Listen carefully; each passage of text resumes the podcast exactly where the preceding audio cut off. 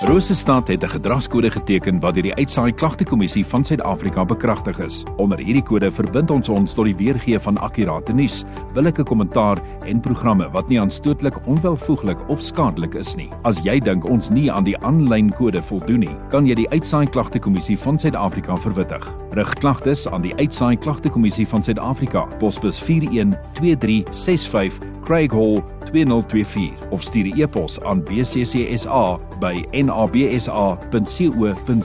Vir verdere inligting, besoek www.bccsa.co.za.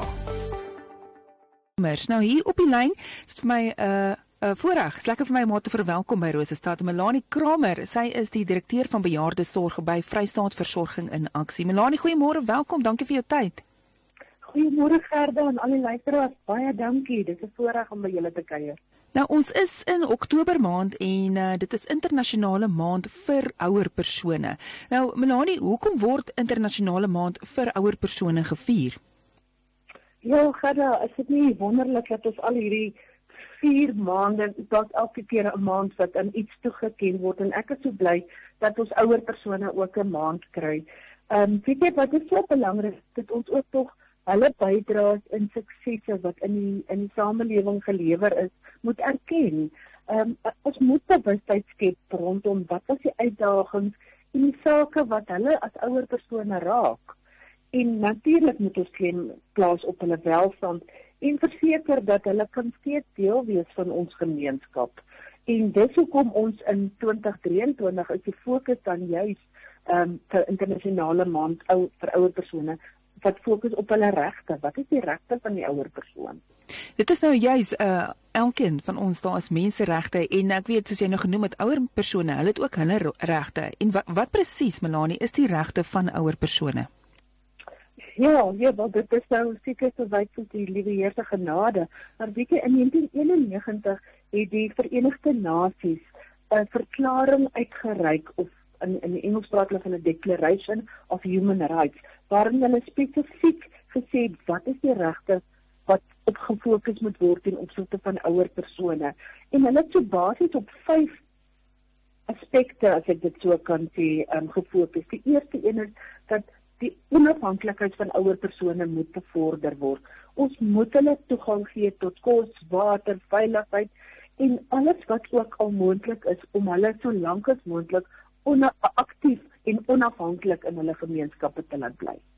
En dan die tweede een het gefokus op deelname. Hulle het die reg om deel te neem.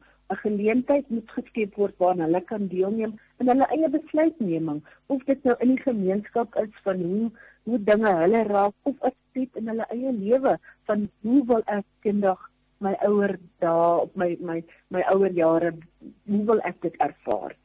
Dan die derde fokus waarop hulle geplaas het is dan natuurlik die reg om om te versorg te word of om goeie sorg te kry. En dan praat ons nie ons het klaar klaar gesê van hulle moet uh, water en kos en hierdie basiese dinge hê, maar dit gaan hier meer oor dat die sorg wat hulle wel ontvang, dat hulle baat moet vind daarbey hmm. en dat dit tot hulle vervulling moet moet lei. So ja, en dan jy's hierdie selfvervulling is ook 'n reg wat hulle het. Ehm um, hulle die, die hulle moet die geleentheid kry om hulle eie drome na te jaag en hulle eie potensiaal te ontwikkel. Ehm um, 'n mens hou nie op groei op ontwikkel die dag as jy 60 is nie. Ehm um, en inteendeel in vandag se tyd dat ons te langer lewe en soveel ouer word, moet ons nog steeds kan die geleentheid hê om te ontwikkel en om te groei. En dan natuurlik die die die vyfde aspek waarop hulle fokus is die waardigheid en dit is vir my baie belangrik en selfs ons hier by um, Vryheidsversorging en Aksie is dat hulle moet nie ouer persone moet nie blootgestel wees aan enige uitbuiting nie of dit nou emosioneel, finansiëel, fisies is hulle moet net 'n veilige en 'n waardige lewe kan lei en hulle moet met regverdigheid behandel word. Mm. Ek gesels met Melanie Kramer, sy is die direkteur van bejaardesorg daar by Vrystaat Versorging in Aksie. Nou Melanie, hoe hoe kan ons, ek en jy en die, die ander mense wat nou luister, hoe kan ons hierdie internasionale maand vir ouer persone vier? Ja, weet jy gou dan nie, ehm um, dit is ons ons moet definitief in Oktober daarop fokus want ek dink amper hierdie goed moet moet deel van ons daaglikse bestaan wees. En die een van die dinge is maar net raak betrokke Raak betrokke by die ouer persoon in jou eie familie, uitgebreide familie of vriende wat jy het, mense wat in jou buurt woon wat dalk al bo 60 is.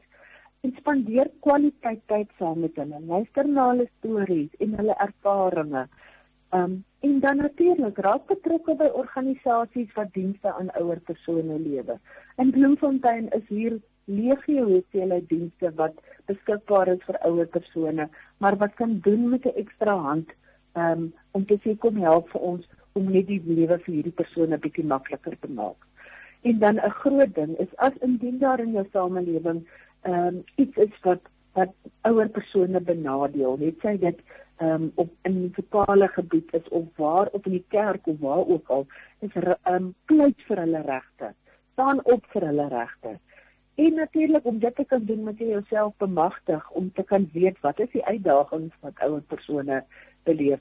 Is die is die kliniekdiens toeganklik vir ouer persone? As jy daar kom dink jy hulle kan maklik ook die diens ehm um, toegang tot dit hê is daar 'n goeie busdiens is dit maklik vir hulle om bo op die bus en af van die bus te kom. So 'n mens moet bietjie as jy met ander oë ook kyk na die dinge wat in jou gemeenskap beskikbaar is dan hoe kan jy dit vir die ouer persoon maklik maak? En ja ondersteun die dienste wat daar is wat die versorging van weerlose ouer persone lewer. Hulle um, word oorval met met weerlose ouer persone wat regtig in noodverkeer en het altyd hulp nodig. So hierdie kan ons verseker dat ons ouer persone in 'n samelewing woon waar hulle gerespekteer word en waar hulle die geleentheid het om 'n vol en 'n betekenisvolle lewe te lei. En dan kan hulle hulle later jare soos wat hulle noem dit met waardigheid geniet. En dit is juist die boodskap wat Vryheid Versorging en Aksie daar buite wil sit. En sê dit is ons waardes ook waarmee ons hierdie diens lewer. So ons pleit by die gemeenskap om dit ook dan nou verder uit te brei. Melanie Kramer, baie baie dankie vir jou tyd, die direkteur van bejaardesorg daar by Vrystaat Versorging in Aksie. En soos Melanie nou gesê het, wees bewus, uh, raak betrokke in jou gemeenskap. En so kan ons nou help om die ouer mense hierdie maand, nie net hierdie maand wat internasionale maand vir ouer persone is nie, maar ook hulle help om 'n waardige lewe te lei. Melanie, baie dankie vir jou tyd en groete ons gesels weer. Baie dankie en totsiens.